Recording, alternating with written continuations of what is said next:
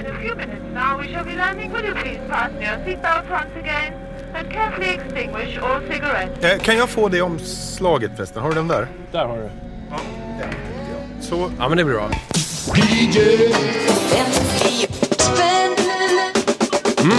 Ny grej i DJ 50 spänn. Vi har ett återbesök. Orvar Sävström, välkommen in i bunkern. ja men det är ju så härligt att vara här igen. Eh, det, vi hade väldigt trevligt förra gången och eh, jag måste säga att eh, jag fick väldigt trevlig respons eh, det? efter det program Ja. som vi gjorde då och, och eh, jag känner mig väldigt smickrad att eh, bli tillfrågad att, som jag tror, första gäst vara eh, återkommande. Det, det är helt sant. Jag ska förklara lite här. att Det här med att återanvända gäster är, det är bara för att jag helt enkelt kom på att fan, såna här gamla guldgäster kan man ju fortsätta att spela skivor med. Och så fortsätter man att snacka med dem för det blev så jävla bra senast. Så från och med nu så kommer tidigare gäster att eh, då och då återkomma i DJ 50 spänn. Eh, Alltså... eh, He's back, ja. the man behind the mask. Hörru, ska vi gå igenom lite snabbt vad som har hänt sen du var med sist i juni 2016 tror jag det var. Ja, alltså då spelade jag ju fem skivor. Mm. Jag spelade eh, Top Gun-soundtracket och sen dess har det beslutats att göra en Top Gun 2. Den kommer ganska snart Mm. tror jag. Precis. Eh, visar ju vilken impact den här podden har. Vänt, vänta nu lite här. Top Gun soundtracket. Du sa senast att du spelar den skivan en gång i veckan. Och du sa det med liksom sån värme i rösten att jag eh, köpte det. Stämmer det verkligen? Ja, definitivt. Fortfarande en gång i Eh, veckan? Kanske inte hela skivan, men Nej. jag spelar ju definitivt låtar från Top Gun-soundtracket oftare än en gång i veckan. Mm. Om du får önska någonting på Top Gun 2 soundtracket, vad skulle det vara? Oh. Kenny Då är lite frågan om... Alltså, samtidigt så skulle man vilja unna fler artister att vara med på ett Top Gun-soundtrack. För Mm. jag menar, det, det är få grejer som, som riktigt eh, når så högt i en musikers CV.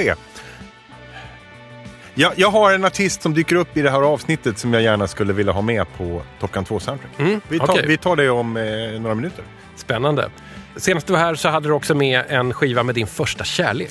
Kim Wilde. Och eh, Kim Wilde har ju då eh, utannonserat att hon gör en Greatest Hits-turné eh, och spelar flera gig i Sverige, bland annat då i Stockholm. Också förstås ett resultat av vårt avsnitt i DJ 50 Ja, ja, men det, det, det räknar jag med. Har du biljett? Självklart! Och sen så hade vi då en märklig soundtrackplatta med Gary Busey som sjöng Buddy Holly-låtar. Eh, där har jag ingen direkt Nej. uppdatering. Varken Nej. Gary Busey eller Buddy Holly ska göra någon Sverige-gig. Ja. Nej, det, Men- det har varit tyst på både Gary Busey och Buddy Holly Ja, den ena av förklarliga skäl och den ena av, andra av ännu mer förklarliga skäl. Och sen så hade vi... Ja, du, du hade en Scorpions-platta med. Ja, vi hade Fly to the Rainbow med Scorpions och där har ju Mickey D gått med sen, eh, sen eh, Lemmy eh, tackade för sig. Det, det var Eh, faktiskt mer än vad jag hade koll på. Ja, eh, och, eh, och det det, är tycker skönt- jag är trevligt. Jag tycker Ja. att, att, att... Det är eh, bra att det finns ett liv efter eh, Motorhead. Ja, det var många som tyckte att Mickey D kanske inte passade in i Motorhead, men där var han i, i 500 år nästan. Mm. Så att, att han går vidare till Scorpions tycker jag bara är honom väl unt och, och good for you. Se- Senast vi satt här vid mikrofonerna så var du också inblandad i en bok om spelföretaget Äventyrsspel, tror jag. Ja, Hur går det med, eh, med bok, väldigt, väldigt väl. bokprojekten? Ja, det går jättebra. Det har kommit flera böcker sedan dess. En fin bok om serietidningsreklam, en om eh, specifikt om rollspelet MUTANT. Men sen nu när det här sänds, Mm. en jättestor och fin bok om spelföretaget Alga. Mm. Eh, som är, eh, innehåller galet ball research. Det är väldigt många Wikipedia-sidor som kommer att få skrivas om efter den här boken kommer ut. Eh, Ja, men det, känns väl ändå skönt. Ni får Ja. rätta till, liksom, Ja. så här, eh, vad ska man säga, sällskapsspelhistorien här. Det är ju ett problem i, i all form av populärkultur och nördhistoria att, att skrönor fäster sig och blir faktum och sen så hittar man någon som refererar till en faktabok och de refererar till en Wikipedia-sida Ja. och så vidare. Ni kan hålla utkik efter den här boken. Den borde vara Ah, aktuell när den, den kommer heter ut. Boken om alga för att göra det extra komplicerat. Ja, jag förstår. Men, eh, mycket fint. Där finns det ju en del musikkoppling också. Jag menar, Lena Philipsson eh, gjorde ju ett eh, musikspel till Alga. What? Eh, Lasse Kroner gjorde ju ett eh, eh, finansspel som heter Wall Street. Alltså, Ah, det, det finns, Ja, Flipp, ja. Flipp eller flopp hette eh, Mm. Spel. Hörru du, eh, jag tänker att vi... Ja, vi glömde ju kanske den roligaste skivan i hela det avsnittet. Jag sa det. Och det var Suicide and the Next. Vår, Just vår eh, West Coast New Wave-överraskning. minns eh, inte hur de lät, men jag minns hur de såg ut. Som The Sounds ungefär. Och de har jag letat upp och jag har skrivit, jag har länkat avsnittet på deras Facebook-sida. Eh, och inte fått någon kommentar så jag tror inte den är så aktiv. Men skitsamma. Ja, skitsamma. Jag tycker ändå att, att eh, den här podden handlar ju om att, att eh, uppmuntra det som uppmuntras bör. Exakt. Så då sätter vi väl igång med det då. Jag tycker det. Du vet ju hur det här funkar Orvar. Du som lyssnar kanske också vet hur det funkar. Annars så är det så här enkelt att Orvar har fått en 50-lapp att köpa fem skivor för i några olika kategorier. Sen spelar vi skivorna och så snackar vi om dem och så får vi se om de leder oss ut någonstans till okända marker i eh, kosmos eller musikhistorien. Nu trampar vi väl ner den här lilla pedalen i mattan va? Fyndet.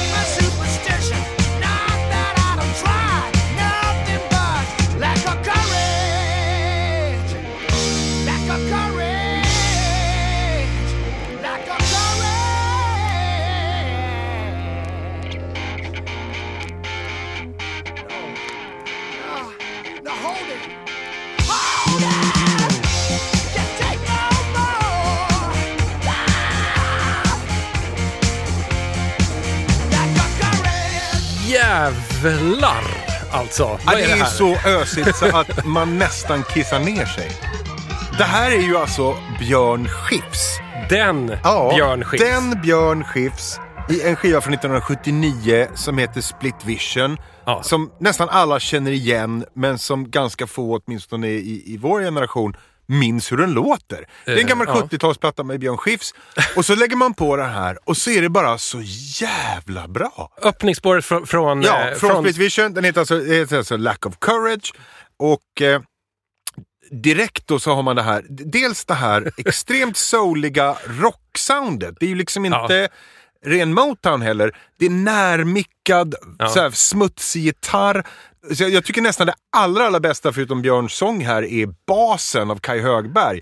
Så hela första versen är ju bara trummor, gitarr, Ja. sång. Ja, ja. Och sen bara...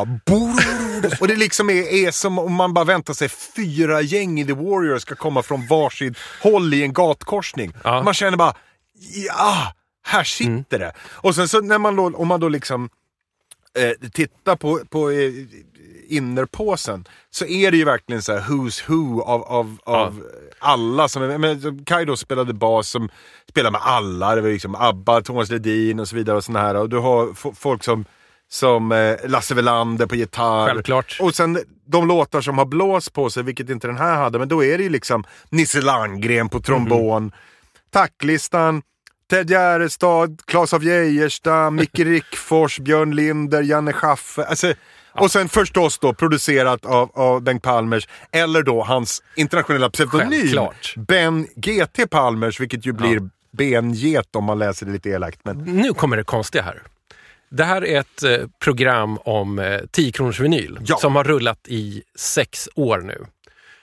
Björn Skifs har aldrig kommit in i studion med en gäst förut. Du är först med Björn Skifs. Fattar du att du breakar Björn Skifs i jag 10-50 breakar? Björn Skifs här och det är fullständigt obegripligt. för Det skulle ju kunna vara allt ifrån liksom eh, eh, spök Ja, ja. Till, till, till någon tidig eh, 70-talsgrej eller någonting. Jag, jag rekommenderar alltid alla att köpa LPn Blåblus. Ja, alltså som är en förstås. Solo ja. Ja. Björn Skifs Och jag menar Björn Skifs är ju internationell idag fortfarande. Jag menar, titta på Guardians of the Galaxy med, med, med, eh, Hooked on a feeling och så vidare.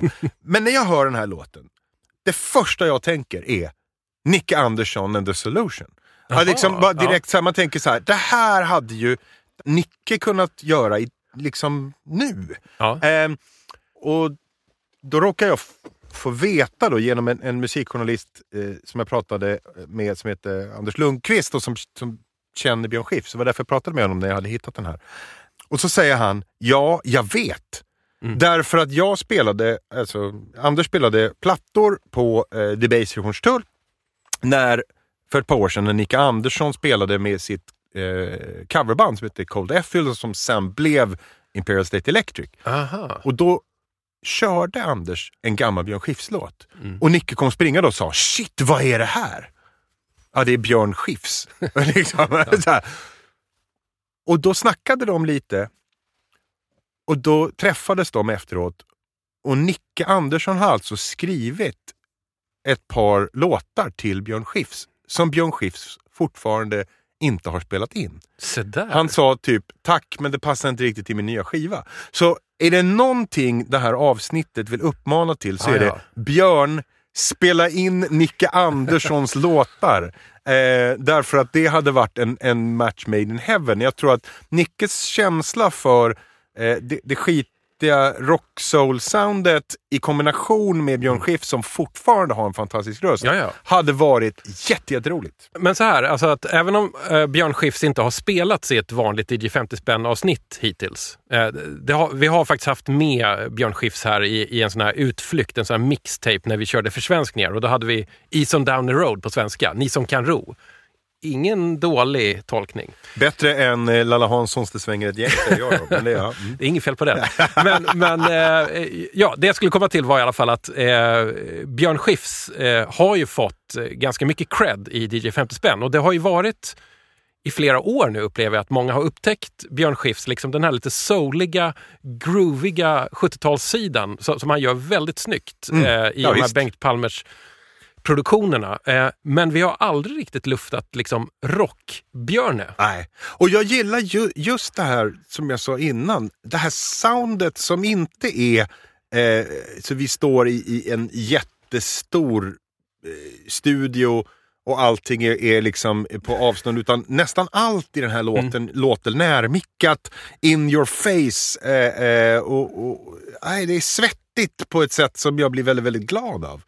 Eh, tack Björn, säger jag. Det här är ju då mitt val för fyndet. Eh, och det egentligen kan man ju säga att det här är en skiva som ganska ofta dyker upp i backarna, men som är mycket bättre än du tror. Ja. Så att, att köp den här och nästa gång det är fest, lägg på Lack of Courage så kommer alla att fråga vad är det här för någonting? Jag vill gärna utöka ditt tack till Björn Skifs. Jag tror att det är så här nämligen att varenda 10 kronors skivgrävare i hela kungariket Sverige, jag har ingen aning om hur många eller hur få vi är, men varenda en av oss vill ge den fetaste medaljen som finns i hela kungariket till Björn Skifs. Ja, men då enas vi om det. Vi skakar hand på det här. Vi skakar hand på det.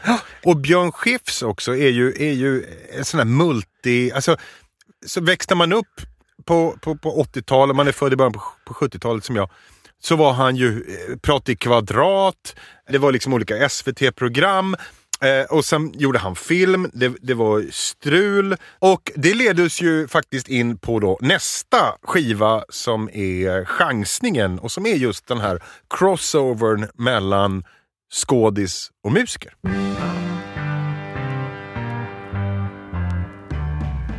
You never close your eyes anymore when I kiss your lips. And there's no tenderness like before in your fingertips.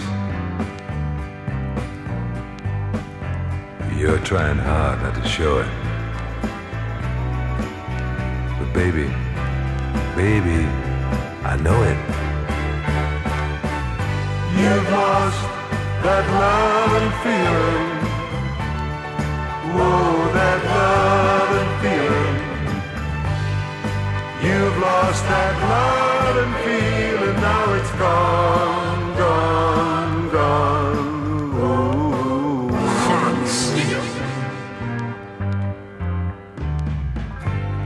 now there's no welcome look in your eyes when I reach for you. And little girl, you're starting to criticize those little things I do. It makes me just feel like crying. Cause baby, something beautiful's dying. You've lost that love and feeling. Oh, that love and feeling. You've lost that love and feeling. Now it's gone, gone, gone.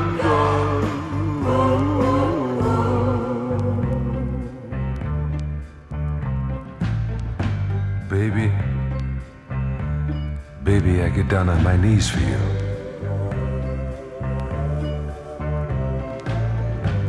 If you would only love me like you used to do.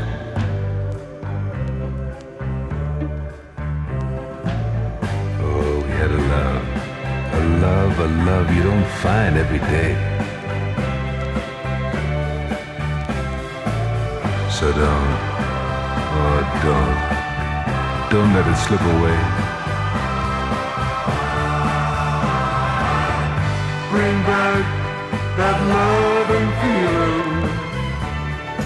Oh, that love and feeling.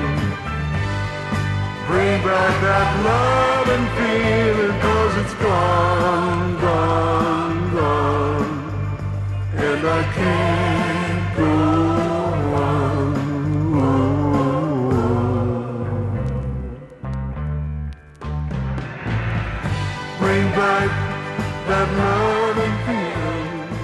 slänger i väggen Righteous Brothers, för här kommer Telly Savalas och gör that loving feeling. Vilket ju direkt ger oss en, en Top Gun-koppling eftersom Ja, väldigt många känner Ja, den låten genom eh, den här eh, barscenen i Mm. Top Gun också.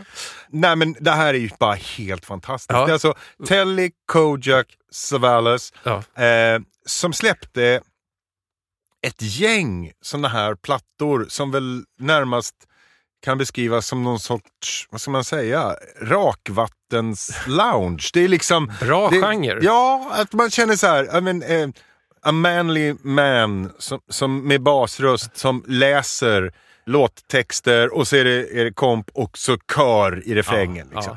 Ehm, Det var ju snyggt gjort tycker jag. det är väldigt, väldigt bra. Det är bara hjärtat börjar klappa. Och, och, och Telly Savalas var ju alltså så fascinerande livshistoria. Han, är alltså, eh, eh, han, är född i, han var född i New York till en grekisk familj och, och så pass segregerat på den tiden med, med liksom, eh, invandrarkvarter i New York så att när han började grundskolan kunde han inte ett ord engelska, han pratade bara grekiska. Ehm, men, men pluggade, eh, kom in på, eh, på Universitet. hög, ja, universitet eller college. Sen, sen blev han eh, eh, värv, alltså han hamnade i andra världskriget. Just det. Han, Och fick, eh, fick alltså eh, pur, Purple Heart, purpurhjärta, sårad i strid och så Jaha. vidare. Eh, och sen blev han en, en radio och tv-personlighet. Alltså, Aha. och, och, och var nyhetsankare och sedan sportankare. På något sätt så, så jag menar, det, det är lite som om sådär eh, Claes Elfsberg skulle ha blivit deckarskådisen. Därför det som hände med, med Telly Savalas var att han som mediaperson blev tillfrågad, vet du någon eh, skådis med europeisk brytning? För vi behöver till en, jag tror en teaterpjäs ursprungligen. Ehm, och så tipsade han om en polare och så kunde inte den polaren och då sa han, "Ah, men fan jag kan hoppa in. Och så, och sen så gjorde han liksom ett par olika grejer och då blev folk så här, han, han är ju bra. Liksom. Ja. Så då började han dyka upp i, i olika i, biroller. Han var Oscars-nominerad för Birdman of Alcatraz och liksom gjorde flera olika grejer. Och sen då fick han sin tv-serie. Ehm, Som då var Kojak. Kojak, där, där, där han ju var någon sorts lite så här Mm. underfundig, eh, eh, skallig eh, eh, polis. Den gick bara i, i fem säsonger tror jag. Men det är ju en sån där, i en tid då, då tv var så extremt Mm. penetrerande. Så att, att eh, Kojak är ju ett begrepp för den generationen. Ja, ja. Än idag. Alltså, framförallt för mig, för jag kan inte minnas att jag någonsin har sett ett enda avsnitt av Kojak. Men jag minns ju hur han ser ut. Jag minns att man tänkte att det här var coolt. Jag minns eh, klubban, Lollipopen. Eh, Och jag, jag kan säga så här, jag är född munnen. 1974 och jag fick någon gång i födelsedagspresent eller julklapp en Kojak-bjuck. Alltså så här, Corgi antar jag, så här, leksaksbilar. Med, med då en, en plastfigur till som är, som är Kojak.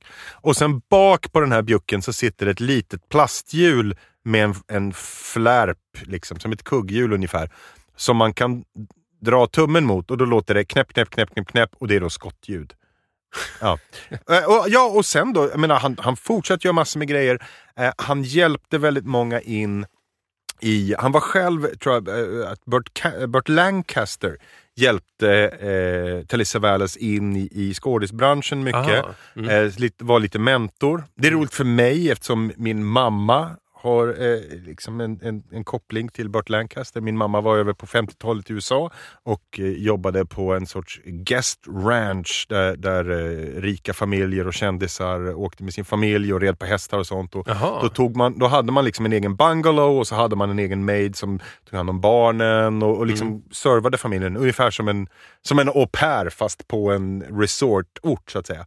Och då hade mamma hand om Burt Lancasters familj. Wow! Så det Vad- ligger ett signerat Burt Lancaster-foto hemma hos min eh, 82-åriga mamma. Jävlar vad Ja. otippat. Ehm, och, eh, eh, så, så han hjälpte Telesvalas in och tydligen så återgäldade han det eh, genom att hjälpa väldigt många andra. Och det, när man läser om Telesvalas så är väldigt många som har gått att säga om honom. Att han att alltid bjussade, att det var absolut ingen sådär revirkänsla eller så, utan tvärtom försökte hjälpa folk i branschen och så. Och eh, om man vill leta kopplingar ända fram till, till dagens kändisar så kan man säga att Telly Savalas är, var, eftersom han är död, Jennifer Anistons gudfar. Jag var faktiskt tvungen att gå tillbaks i DJ 50-arkiven och Telle Savalas har faktiskt dykt upp en gång tidigare. Jag gillade ju det här med en pratsång. Ja. Eh, Jag, jag kan sakna pratsång ibland. Ja, och, och Det måste göras rätt. du måste ju ha den här tyngden. Ja. Eh, det måste vara den här mm, självsäkra och inte för, inte för kaxiga heller utan bara trygg i sig Mm. själv på något sätt. Eh, Alltså, han hade ju en, en, eh, en eh, riktig, riktig hit från, Just som är det. på samma platta här. Mm. Och det är ju Breads If. Mm. Alltså jag tror att den lå, kom etta på Englandslistan Mm. i en sån här, just den här typen av, av version. Så att, att, eh, Rakvatten lounge. Rak, jag tycker att vi, vi, vi etablerar den termen här på något sätt. Ja, men det är en jättebra term. Jag vill gärna prata lite om den här eh, låten. Mm. Den, den finns ju i... en miljon versioner. Ja, ing, förstås. ingen har någonsin orkat räkna, men hur, hur många som helst. Har du någon annan favorittappning av den? Nej, det har jag väl inte direkt. Alltså, för mig är ju just den här eh, eh, skräniga Top Gun-varianten med, eh, med Tom Cruise när Mm. han försöker räcka upp, upp Kellem Gillis. Det, den, den får ju mitt hjärta att börja klappa. Ja. Eh, men vad säger du? Den här låten var den låten som styrde in mig på att förstå tidiga Human League. Alltså Human League innan hittarna, innan Don't You Want Me Baby. För, för på deras allra första album som heter Reproduction tror jag, så eh, har de först något så här väldigt oformligt, lite så här syntsvep som glider över långsamt till en sån här Lounge Lizard from Outer Space version där Philip Oakey sjunger den jättefint över ett så här gnistrande och rätt kallt eh, minimalistiskt syntkomp. Vilket ju texten passar väldigt fint till också. Väldigt, väldigt bra. You never close your eyes anymore when I kiss your lips. And there's no tenderness like before in your fingertips.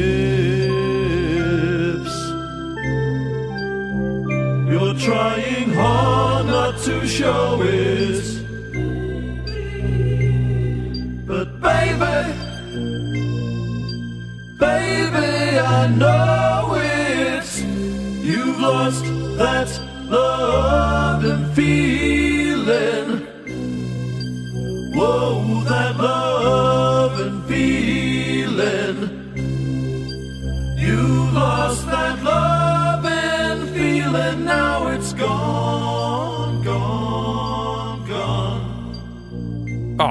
Parentes, förlåt. Eh, Orvar, har du med dig något sånt här eh, tjongigt soundtrack från mitten av 80-talet idag? Det är klart att jag har För det hade du senast. Jag har nog aldrig sett en vuxen man mysa så mycket som du gjorde till Top Gun-soundtracket. Nej, och, och det jag egentligen letade den gången, det var ju Streets of Fire, eh, Walter Hill-filmen med två fantastiska låtar av Jim Steinman. Ja. Och den hittade jag Ja. den här gången. Det var bara det att jag också hittade en skiva som är ännu härligare. Eh, och den kommer här. Nostalgiköpet.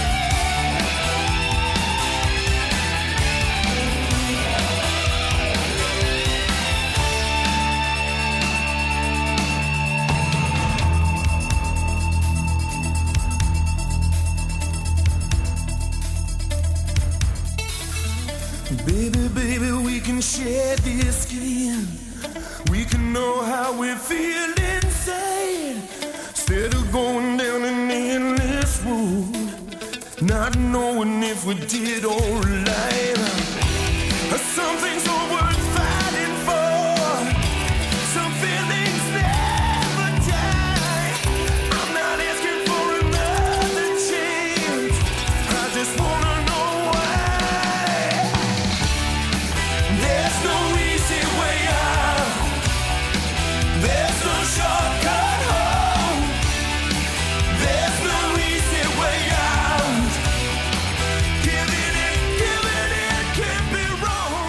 Min hjärna drar en blank här. Vem sjunger det här?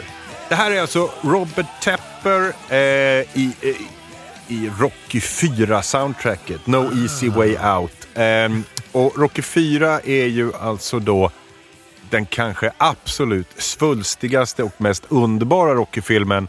Eh, den med Dolph Lundgren och, och, som ställer då den, den, eh, den godhjärtade amerikanen mot den onde sovjeten.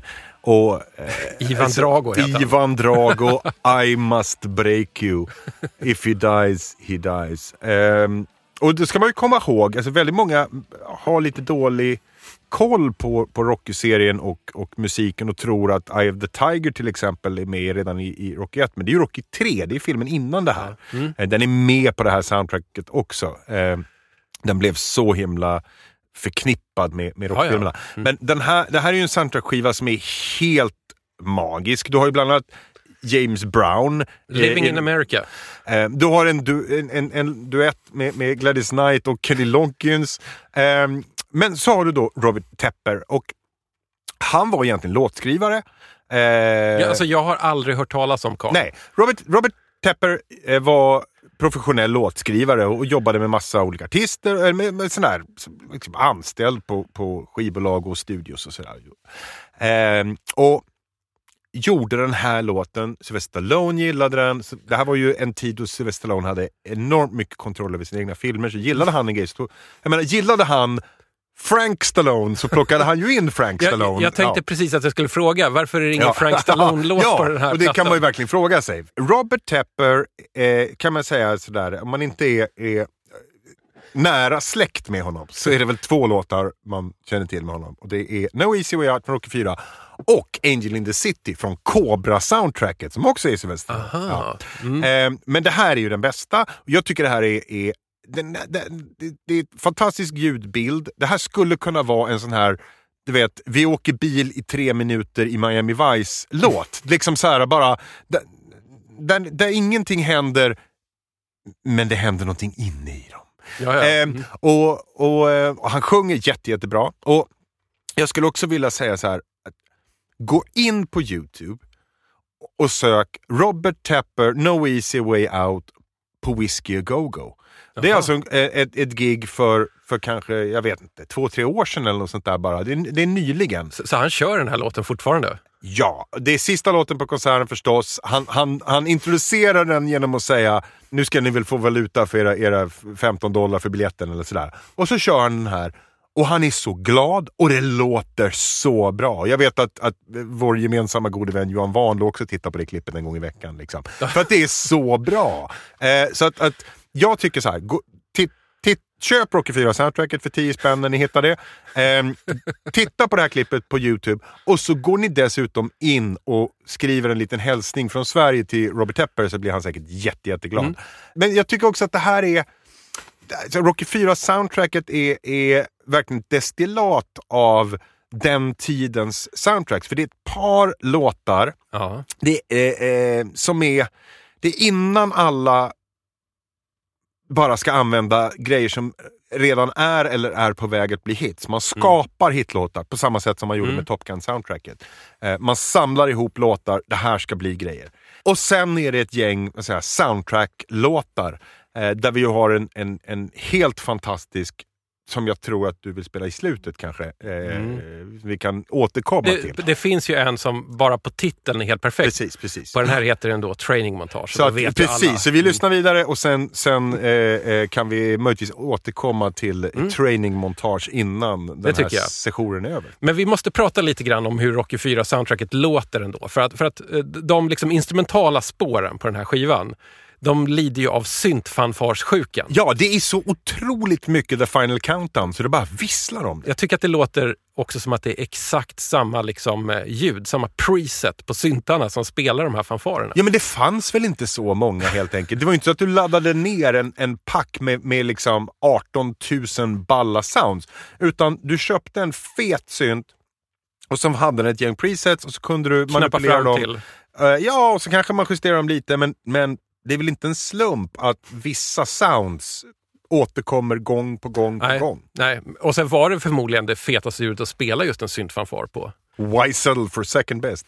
Men, Eh. men jag tycker ändå att det här är eh, det, det är också ett exempel på en one-hit wonder från en person som nog inte ville bli stjärna. Han var låtskrivare ha- och någon sa "Ja, men, kan, sjung det här då. Och han gjorde tror jag två, tre plattor eller sådär. Men jag menar, det här var inte, det här var inte en blivande Michael Jackson, Madonna, så här, utan det här var en, en professionell låtskrivare som fick chansen att, att, att ha med en låt på ett stort soundtrack och gjorde det med bravur. Och jag tycker att det, är, det, här är, ju, det här är working man's 80s filmrock. Och det är, ja, det är bra. Det är mycket, mycket Ja, bra. det ligger också farligt nära det som Johan Wanlo, som vi nämnde nyligen, då. det ligger väldigt nära det han kallar för flygscensrock. Ja, i viss mån. Fast den här kan jag känna också så här. Det, det finns ett visst mått av gå genom Gå genom gränd som det av obegriplig anledning ryker ur gatlocken Ja, på. ja. Så här, mm, det här, så här, ta dig i kragen nu. Nu, nu, nu gäller det liksom. Mm. Det finns ett visst mått av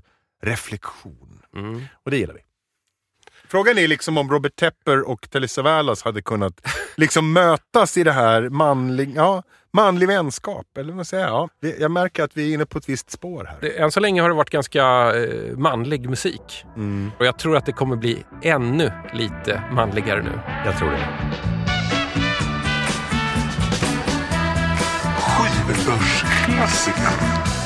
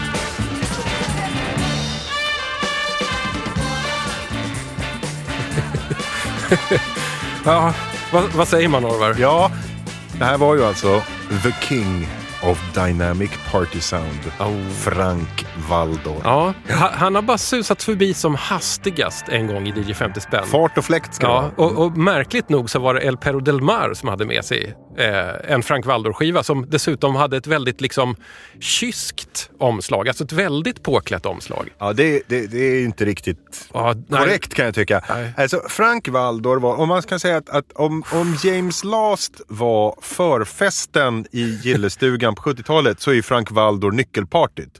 Bra beskrivning där. Ehm, Frank Valdor är ju alltså en annan av de eh, här tyska orkesterledarna på 70-talet som gör plattor med orkesterarr av populära låtar som går in i varandra i långa medleys. Mumlande körer som på något sätt halvsjunger Just grejer det. långt borta i bakgrunden. Eh, och som bara ska spelas på party. Eh, där Mycket har- blås. Ja, precis. Alltså, om man tänker sig de vuxna i filmen Ice Storm, den feelingen lite grann. Liksom. Sigourney Weaver i för tjocka eh, glasögon och brun kjol. Liksom. Den här 70-talsfeelingen. Och just Frank Valdor då var ju fräckare, fräsigare. Eh, och i just då den här skivan som heter Dynamic Trumpet Party eh, är ett av de vackraste skivomslag jag vet. Då, Oj, oj, oj. då, så Fra, Frank som, som har en, en härlig comb-over och ett fantastiskt skägg. Sen har han en Alltså han har en one piece i lila krossad sammet med krås, uppknäppt, ett gigantiskt guldkors i guldkedja runt halsen och sen är det två topless-brudar på varsin sida av honom. Där en har någon sorts hörlurar eller möjligtvis hörselskydd i form av tuttar. Eh, och det här är liksom inte på något sätt ett sticker inte ut bland Frank Waldors eh, skivproduktion. Du har bland annat hans eh, Scandinavian Party-platta med, med låtar som Ta av dig skorna och Pippi Långstrump med två nakna blondiner. Eh, du har massor med såna här Bahamas-liknande grejer eller, eller eh, eh, Frank Valdor in Mexiko eller Acapulco. Eh, Jag, jag måste anknyta till det här när du säger att, liksom, att orkesterledaren James Lasts grejer var lite mer förfest och eh, Frank Waldors plattor var lite mer liksom, det här Swingers, nyckelpartyt. eh, ja, För att precis. på baksidan av, av eh, omslaget till eh, Den här skivan. eh, ja. Frank Waldors Dynamic Trumpet Party så är det faktiskt en liten artikel på tyska med en liten bild på ett par som ser ut att ha det lite mysigt och smilar tillsammans. Och verkar vara, det verkar vara något på gång här. Och då står det så här. Mitt praline macht das Spielen Spaß. Alltså med praline. Som, Som jag tror, skivbolaget. Ja, Ja, precis, ja. precis.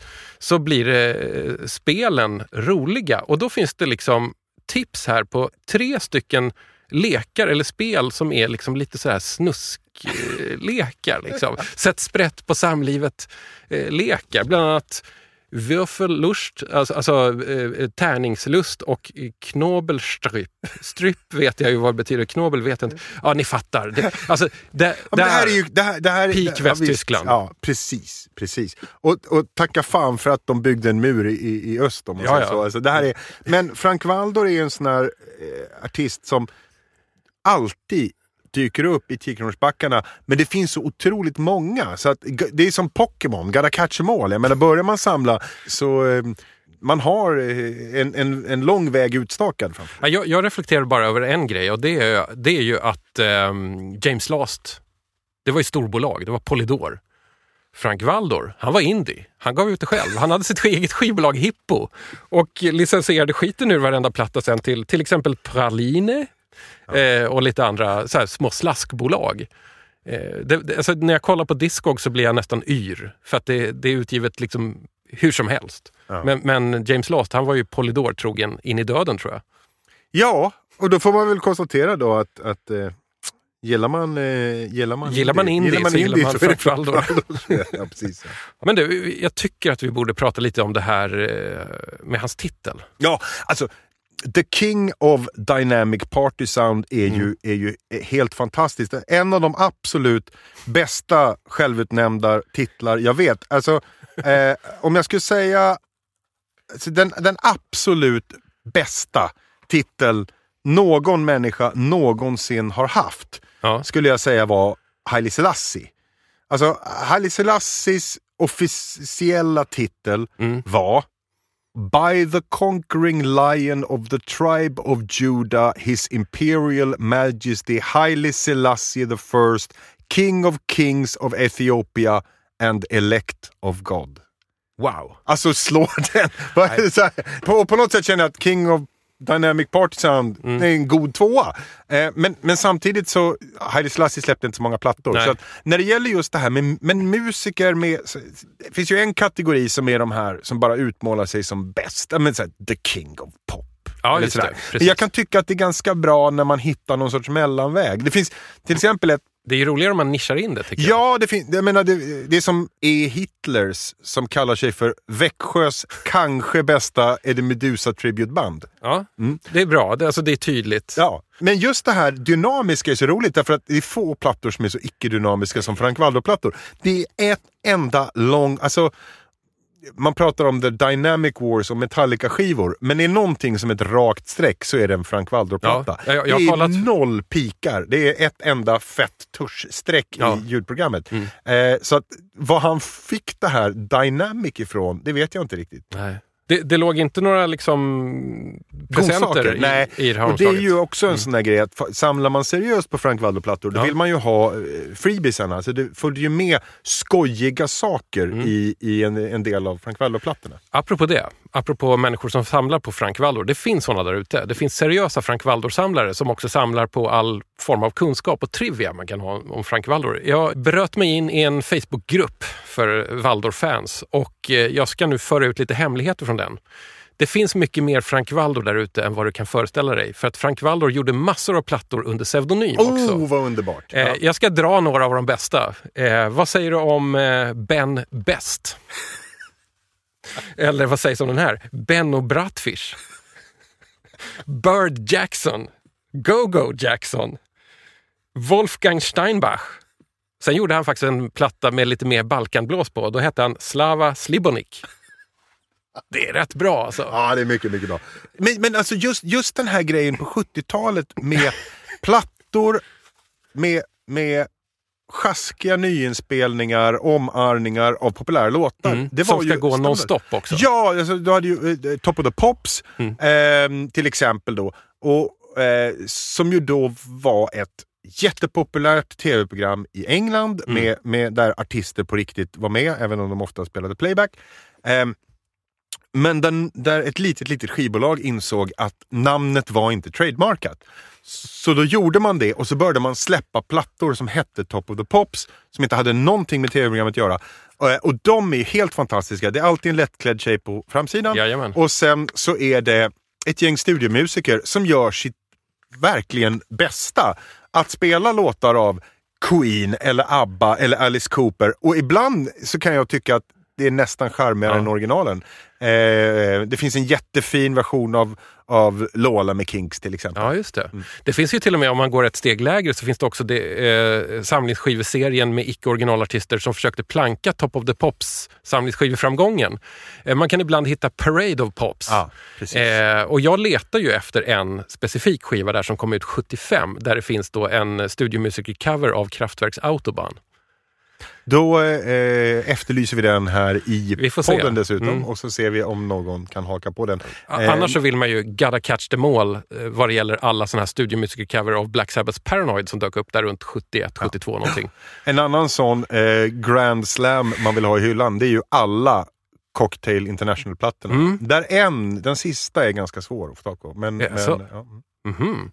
Jag har aldrig riktigt gått in i Cocktail International-serien, men jag kanske borde då. ja, vi får väl göra ett specialprogram om det. Eh, och då kan vi ju dessutom kanske ha med Lars Roos eh, Örongodis 4 tror jag det är, som, som eh, är då eh, Cocktail-specialen. Eh, som väl heter Cocktailgodis tror jag.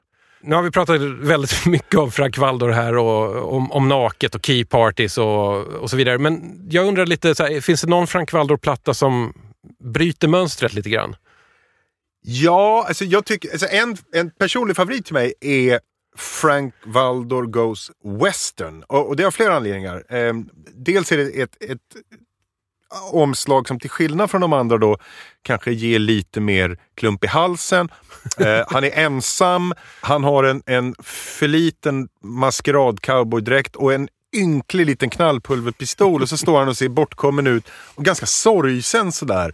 Ehm, och sen då är, är det här en, en, också en sån här eh, ja, orkester medley-platta men med Under den gode den fule, det Ja, ja. är liksom eh, här, olika västernlåtar och, och eh, eh, High Chaparral eh, temalåten inte minst.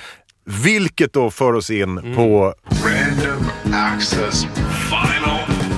Rock on gold dust woman. Take your silver spoon, take your grave. A heartless challenge. Take your path, I'll pray. Wake up in the morning sunrise.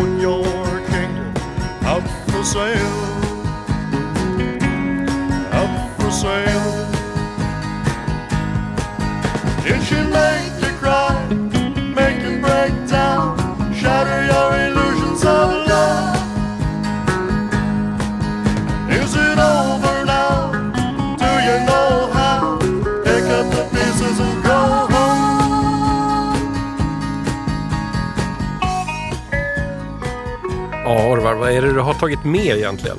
Alltså det här är Bob Juvello at High Chaparral. Det är eh, skiva nummer fyra på High Chaparral Records. Eh, alltså kopplat till eh, västern, eh, vad ska vi kalla den för, Äventyrsparken. Eh, driven av Big Bengt. Ja, i Småland. I det mörkaste Småland. Ja, där snön lyser vit. Eh, den här skivan är alltså släppt i Sverige. Den är inspelad i USA. Eh, den är släppt samma år som Björn Skifs-skivan vi hörde i början. Ah, Ja, och det vi hörde här är, det är sista låten på den här LPn som dessutom då är signerad av Bob av Juvello. Bob Juvello med kulspets på baksidan här. Eh, och det här var alltså en cover då av Goldust Woman eh, med Fleetwood Mac. Jag har så många frågor som nog aldrig kommer få svar. Ja, Eller? var ska vi börja någonstans? Ja. Nej, Så gre- grejen är så här att vi måste spola tillbaka bandet till en tid i Sverige då country var någonting helt annat här. Mm. Alltså, Ja, ja. country var, var långtradar musik. Mm. Eh, man kunde köpa kassettband på bensinmacken eh, med typ en lektyrbrud på och lite så här nyinspelningar av, av countryklassiker och så Mm. vidare. High Chaparral är liksom en del av det. Det, det är en tid då McKayens och, och, och bröderna Cartwright och så vidare ligger väldigt nära i folks minne. Den bilden av, av USA är fortfarande Mm. väldigt, väldigt stark hos många. Och Vilda västern är... det är hett. Ja, det, det, det är både häftigt och ganska tryggt. Mm. Det, man ska ju komma ihåg, i, idag är det lätt att tänka sig att, att, att Clint Eastwood och spagettivästens på något sätt är vilda västern. Men det, det, det var ju motsvarigheten till vad, vad Tarantino gjorde med, med, med gangsterrullar. Sen, Alltså det, det bröt ju med allting. Mhm. Med, från helylle-grejen. Och den här skivan och den här tiden som du pratar om, det är också en tid då man inte riktigt hade slagit in en kil mellan country and western. Nej, Alltså, Precis, ja, att det hängde ihop. kinds. Ja, precis, ja. Ehm, så att det här är då alltså en skiva släppt av parken High Chaparral. Ja. Framsidan är Bob Juvello. Han sitter i, i någon sorts eh, eh, träkoja vid ett skrivbord med en akustisk gitarr och lite såna, han har en underbart fin mustasch får jag säga. Men baksidan är det då en bild på eh, High Chaparral-parkens grundare Big Bengt Ja. och sen är det tre stycken foton från parken. Mm. Och så är det då, det är 12 låtar varav en heter Sommarvisa så den ska väl då liksom anspela ännu mer Ja. på Sverige. Smöra lite Ja. för den sven- svenska publiken. Ja, jag gissar att Bob Juvello lirade på High Chaparral. Och det är ju inget, ingenting ovanligt. Det har lirat countryartister på High Chaparral i alla Mm. år. Men bara den här idén om att High Chaparral är ett så starkt varumärke att vi startar ett skivbolag och släpper okända countryartister på. Mm. Eh, och då kan man ju fråga sig då, Bob Juvello. Ja, jag har Vad ingen blev aning. det av Bob Juvello? Aldrig hört talas Nej. om karln. Och det här är hans enda platta. Men det blir sorgligare än så. Därför att om man kollar upp Bob Juvello på Youtube så är han aktiv countrymusiker än idag. Han har en egen Youtube-kanal som är aktuell nu. Och den har sex prenumeranter.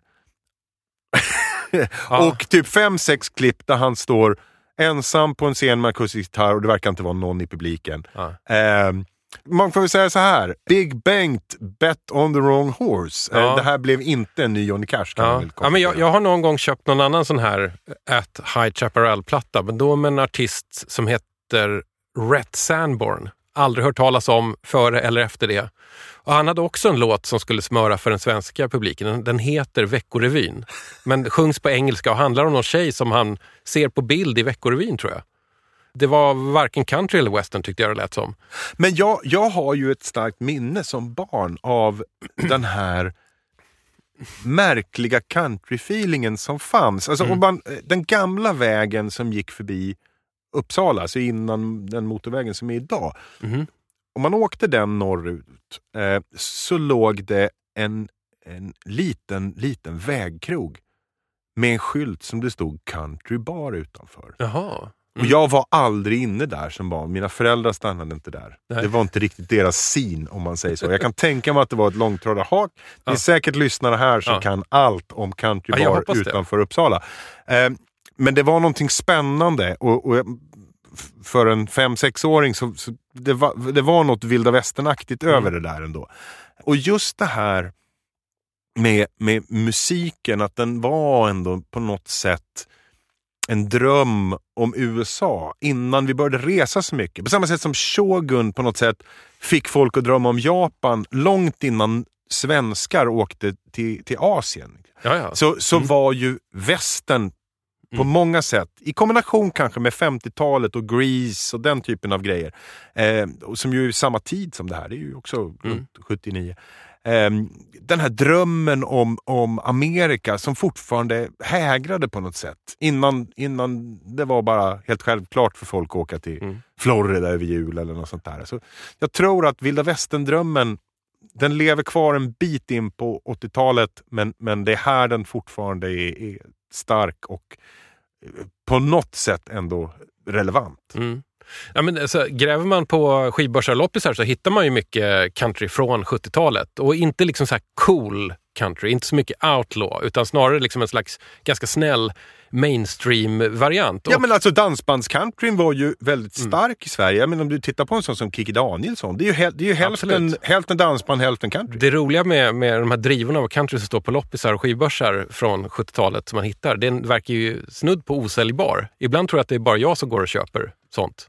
Du blir glad av det i alla fall. Orvar, det här var den sista av dina fem skivor för 50 Ja, på fler kronor. sätt än ett får man väl säga. Det Ja. var, var kanske inte den, den gladaste, Nej. eh, peppigaste och bästa eh, skiva jag har Nej. köpt i hela mitt liv. Det blir ju så. Alltså, alltså eh, skivbörsbackarna på golvet, särskilt den här 10 kronors avdelningen på Mickes, innehåller ju ganska många vad ska vi säga, karriärer som aldrig tog fart riktigt eller, eller slutade tråkigt. K- kan vi vända det här lite på något Ja, sätt? jag tycker vi gör det. Vi nämnde eh, innan här just låten Training Montage från Rocky 4. Som, som ju är som en blueprint för, för Europes Final Countdown. Och med, ljudbilden är helt magisk och man kan tänka sig in, alltså det här är ju eh, när man ska visa då att, att Stallone är en amerikansk working class eh, mot det här labbmonstret Ivan Drago. Så Rocky springer kring och pulsar i snö och hjälper att dra upp någon sovjetisk bil ur ett dike medan Drago då får steroider och, och, och liksom övervakas av, av datoriserade stresstester och såna här grejer. Och då spelas Training Montage.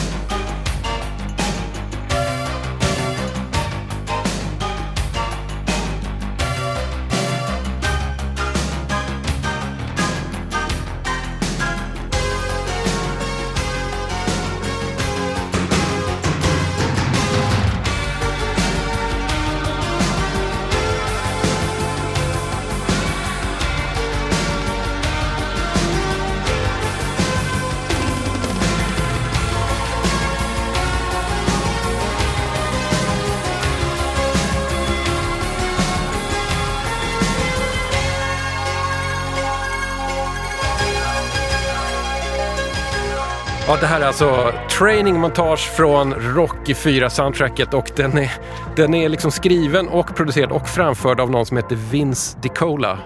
Du, du som ändå är popkulturens Rain Man, eh, vem fan är Vince DiCola? Nej, Jag har faktiskt ingen som helst aning. Vi, nu känns det som att vi får gå hem och Ja. googla Ja, Vince DiCola. Men det kanske är kungen av syntfanfarer. Skulle du kunna ha den här i lurarna på gymmet?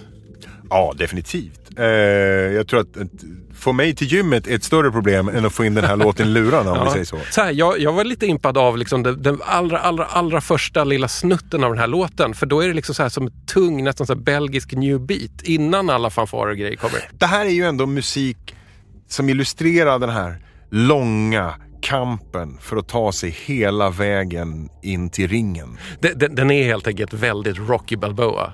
Det får man säga. Det här var allt för DJ 50 spänn eh, den här gången. Eh, vem som kommer i nästa installation av den här podden? Det är inte riktigt bestämt faktiskt. Eh, jag har ett superflummigt avsnitt på gång där det dyker upp en jättemystisk kassett som är hittad i ett soprum på Södermalm. Men jag vet inte om jag hinner bli klar med det till nästa gång, så vi får se vad det blir. Tack så mycket för att du var med, Orvar. Alltid ett nöje. Det räcker så tror jag. Eh, nej, och dessutom så var jag butikschef i en skivaffär på det glada tidiga 90-talet.